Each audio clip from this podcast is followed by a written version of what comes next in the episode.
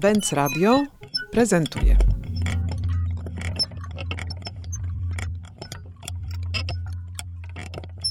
Nazywam się Przemek Cepak i jestem założycielem marki Splot. Splot, dla kogoś, kto jeszcze Was nie zna, może budzić różnego rodzaju skojarzenia. Co Wy właściwie robicie? Czy Splot, tak, to może, może brzmieć również po szwedzku, ale tak naprawdę robimy kilimy, polskie kilimy. Te kilimy, one uzyskały dużą, nie wiem czy widoczność, ale też serdeczność tych, którzy na nie patrzą.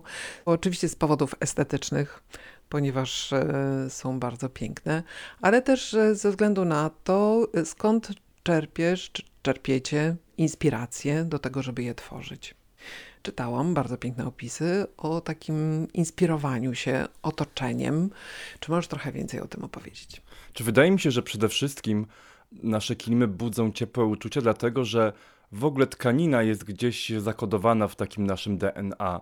W takim e, idiomie domu polskiego jest tkanina i czy ona z nami występuje w e, takiej czy innej formie, czy jest e, produkowana masowo, czy też, czy też jest produkowana rzemieślniczo, ona gdzieś tam się zawsze znajduje. Historycznie też nam zawsze towarzyszyła. A inspiracji mamy raczej nowoczesne, to znaczy no, nie będziemy udawać, że jesteśmy, że żyjemy w, nie wiem, w latach 70. albo że żyjemy, nie wiem, gdzieś w międzywojniu. No nie, żyjemy tu i teraz. Żyjemy w dużym mieście, którym jest Warszawa. W mieście, gdzie jest dużo znaków, symboli, w mieście, które używa dużo skrótów, hieroglifów swego rodzaju, emotikonów.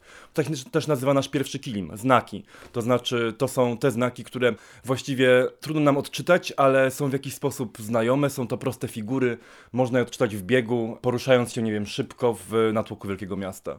Te formaty, którymi wy się posługujecie, no to też nie jest, mhm. nie jest to mikro, tkanina, są to raczej formaty bardzo duże, wymagające przestrzeni do tego, żeby je wyeksponować. Jak się pracuje z taką tkaniną właśnie obliczoną jednak na no, na sporą przestrzeń. No słuchaj, fantastycznie pracuje się z taką tkaniną. To znaczy, jest w niej coś takiego, że ona ma pewną prezencję. To znaczy, jesteś już przy jakimś obiekcie, który ma określoną masę, rozmiar. To jest trochę, wiesz, jak z malarstwem rodki. To znaczy, podejrzewam, że mogłyby działać o wiele mniejszych formatach, ale nie będą tak działać, bo jednak chodzi o pewną płaszczyznę, o to w jaki sposób pewna masa koloru na ciebie oddziałowuje i podobnie trochę jak urodki, tak, jest, tutaj chodzi też o pewną fakturę, o to, że nie jest to płaskie, jest to właściwie trójwymiarowe. Też taka jest trochę natura kilimu, to znaczy to były zawsze rzeczy, no nie ukrywajmy, no, zbytkowne i dość, dość drogie. Nawet za tej przysłowiowej komuny cepeliowskie kilimy były też swego rodzaju fanaberią i luksusem. I to, że jest to duże i jest to do dużych wnętrz obliczone, no w jakiś sposób wypływa z natury samego, samego obiektu, jakim jest kilim. To bardzo ciekawe, dlatego że grupa projektowa Centrala z Olą Kędziorek i z Alicją Bielawską przygotowują na, no już teraz przyszłoroczne Biennale Designu w Londynie, projekt Dom Odziany gdzie rzeczywiście odnoszą się do e, tej tradycji używania tkaniny jako narzędzia architektonicznego i tworzenia dodatkowych walorów, ale nie tylko estetycznych, ale także funkcjonalnych. Taki kilim dużych rozmiarów nie tylko działa estetycznie, ale także ogrzewa zbyt dużą i zbyt zimną ścianę, więc oprócz e, tych wszystkich rzeczy, o których mówimy wtedy, kiedy chcemy przywołać e, jakąś urodę tych obiektów, to jest jeszcze zupełnie ukryta pod tym taka warstwa użytkowa. Mhm. Czy, czy też o tym myślicie? Czy na przykład jakoś to włączacie do, do opowieści o tych swoich pracach? No zdecydowanie. To znaczy, to jest zabawne, bo wczoraj jeszcze rozmawiałem z klientami, którzy zamówili u nas kilim. Jest to małżeństwo z Poznania ona jest e, przedsiębiorczynią w branży reklamowej, on jest architektem i mając e, nowy dom, mają przestrzeń, która akustycznie po prostu nie działa. I ten kilim był właśnie po to, żeby rozmowy, które odbywają się na dole, nie były transmitowane wprost do pokoju ich córki, dlatego że jest tam po drodze klatka schodowa, która to wszystko jeszcze wzmacnia. I rzeczywiście powiedzieli mi: Słuchaj, jednak miałeś rację, strzał w dziesiątkę o jakieś 50% e, zmniejszyliśmy ten niepożądany efekt. To jest jedna rzecz.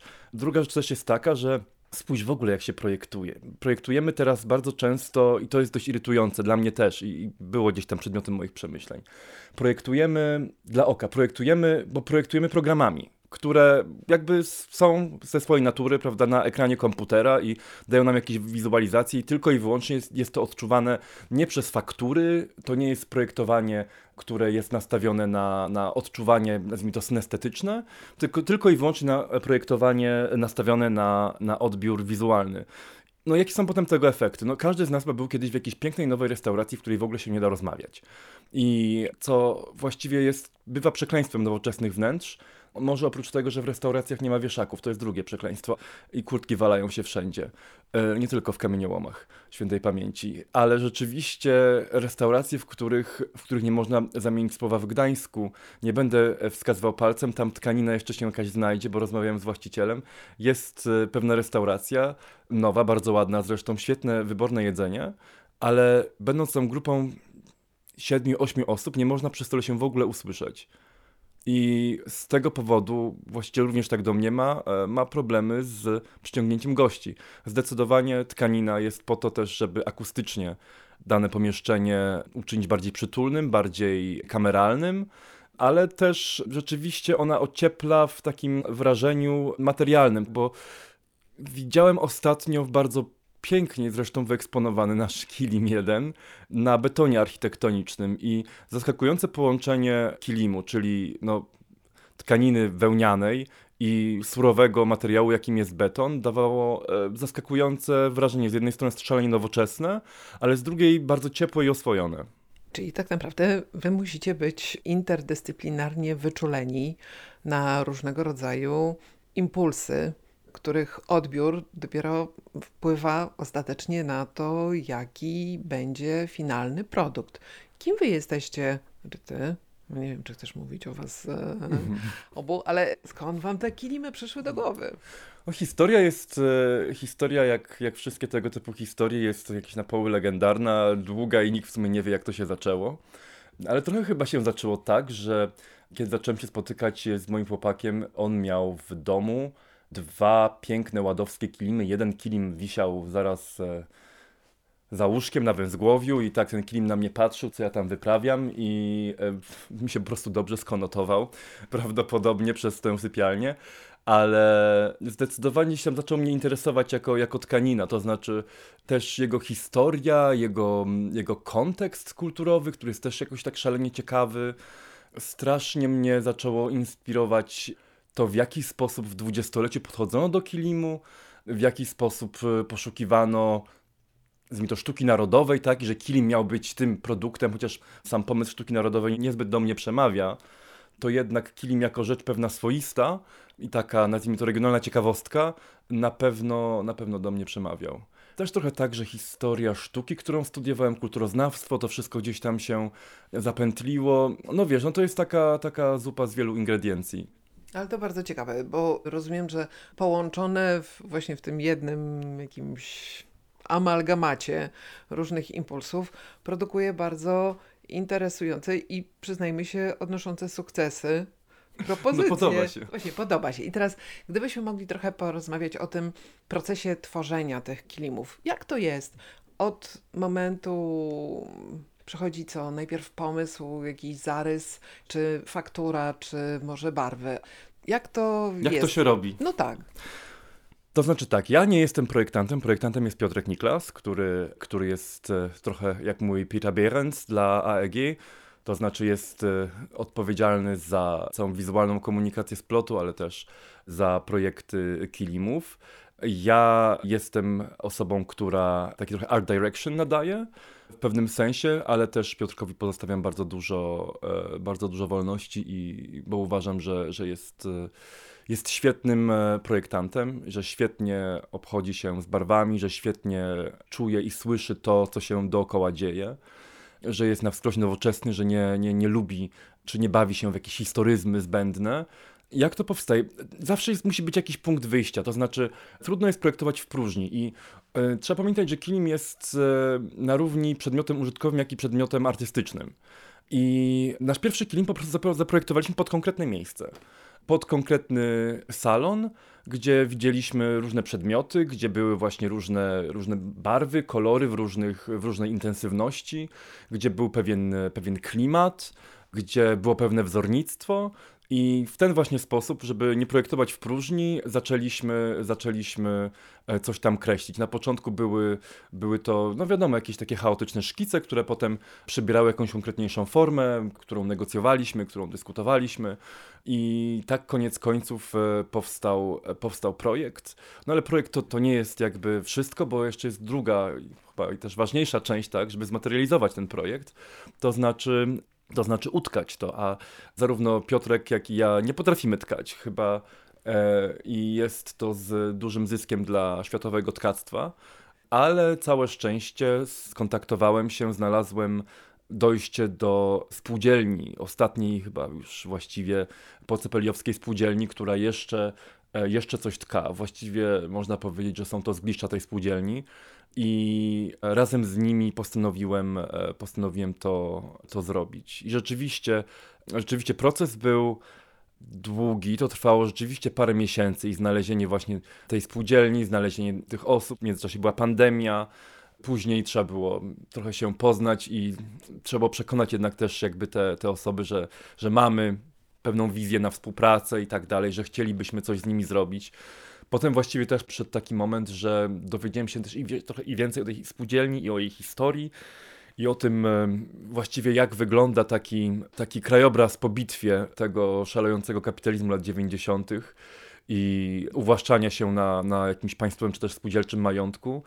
I w sumie, tak jakby chcąc, nie chcąc, trochę z tego też e, zrobiła się jakaś taka, może nie społeczna misja, to jest dużo powiedziane, ale jednak, jednak trochę mi zaczęło na sercu leżeć, żeby, żeby coś, coś e, z tym zrobić, żeby tam troszeczkę pomóc im się dźwignąć, albo żeby, żeby dać im też jakieś te zamówienia, żeby pomóc im zagospodarować zagospodarować na przykład zapasy, które mają. To jest bardzo ciekawy wątek. To znaczy, że weszliście w taki kontakt, który też Was inspiruje i trochę jednak wpływa na, na to, co w przyszłości może być wyprodukowane przez splot. Tak, to znaczy jest rzeczywiście coś takiego, że postanowiliśmy zupełnie świadomie pracować z ich e, zapasami wełny, które mają. To znaczy część z nich używamy, to co możemy tam znaleźć, to, to używamy, część trzeba dofarbować, bo nie wszystkiego jest w odpowiedniej ilości. Część trzeba wyfarbować po prostu na, na nowo, ale rzeczywiście po spółdzielni, która była bardzo duża i prężna, tak naprawdę powstał, pozostał pewien ogryzek, który jest swego rodzaju masą upadłościową z z różnymi zapasami wełny, ale też przede wszystkim z, z ludźmi, którzy jeszcze chcą pracować, którzy są w pewien sposób naprawdę jakimiś tytanami pracy, ale nawet nie pracy, co zamiłowania miłości do tej tkaniny.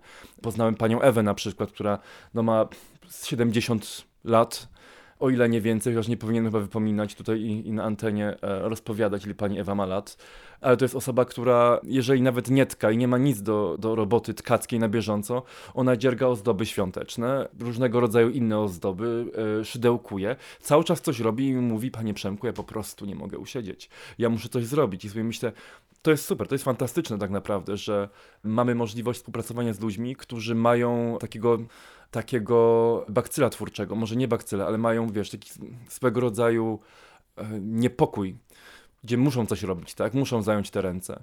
I szkoda, tych ludzi jest coraz mniej, bo jednak no, praca przy krośnie to jest trudna praca. Żeby wyprodukować metr kwadratowy kilimu, potrzebujesz tak naprawdę no, gdzieś około tygodnia, parę dni do tygodnia, w zależności od wzoru i tak dalej. Kto potrafi się jeszcze skupić przez tydzień na pewnym odcinku przedmiotu, bo nawet nie na całym, i żmudnie przez parę godzin dziennie to wykonywać, to jakby my nie potrafimy już się skupić nawet na, na dwie godziny na przykład, tak, żeby, żeby nie posklejać zbity talerz, czy kubek, czy wazon.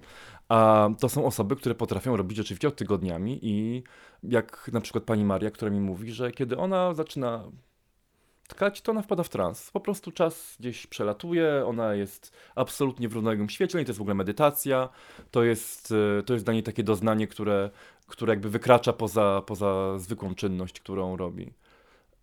I tak już się rozpędzam i rozpędzam, ale problem też polega na tym, żeby znaleźć młode osoby, które chciałyby to robić, bo w Bobowej, gdzie jest ta spółdzielnia, była tam był cały przemysł związany z tym. Tam była, była wielka siedziba na rynku, tam były zakłady, magazyny, tam była szkoła zawodowa, która uczyła rzemiosła. W okolicy były zakłady, które zajmowały się wytwarzaniem przędzy, farbowaniem. Był to cały przemysł, który był z tym związany, po którym tak naprawdę nie ma śladu.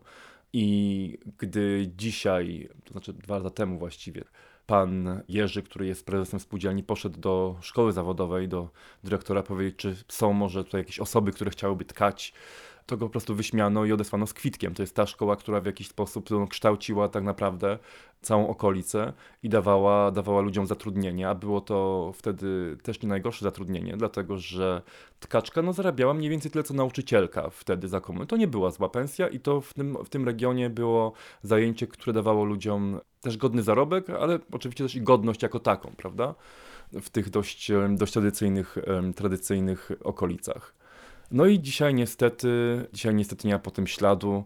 Szkoła zawodowa kształci księgowe, które później księgują sprzedaż w żabce na, na kasie. No, no niestety.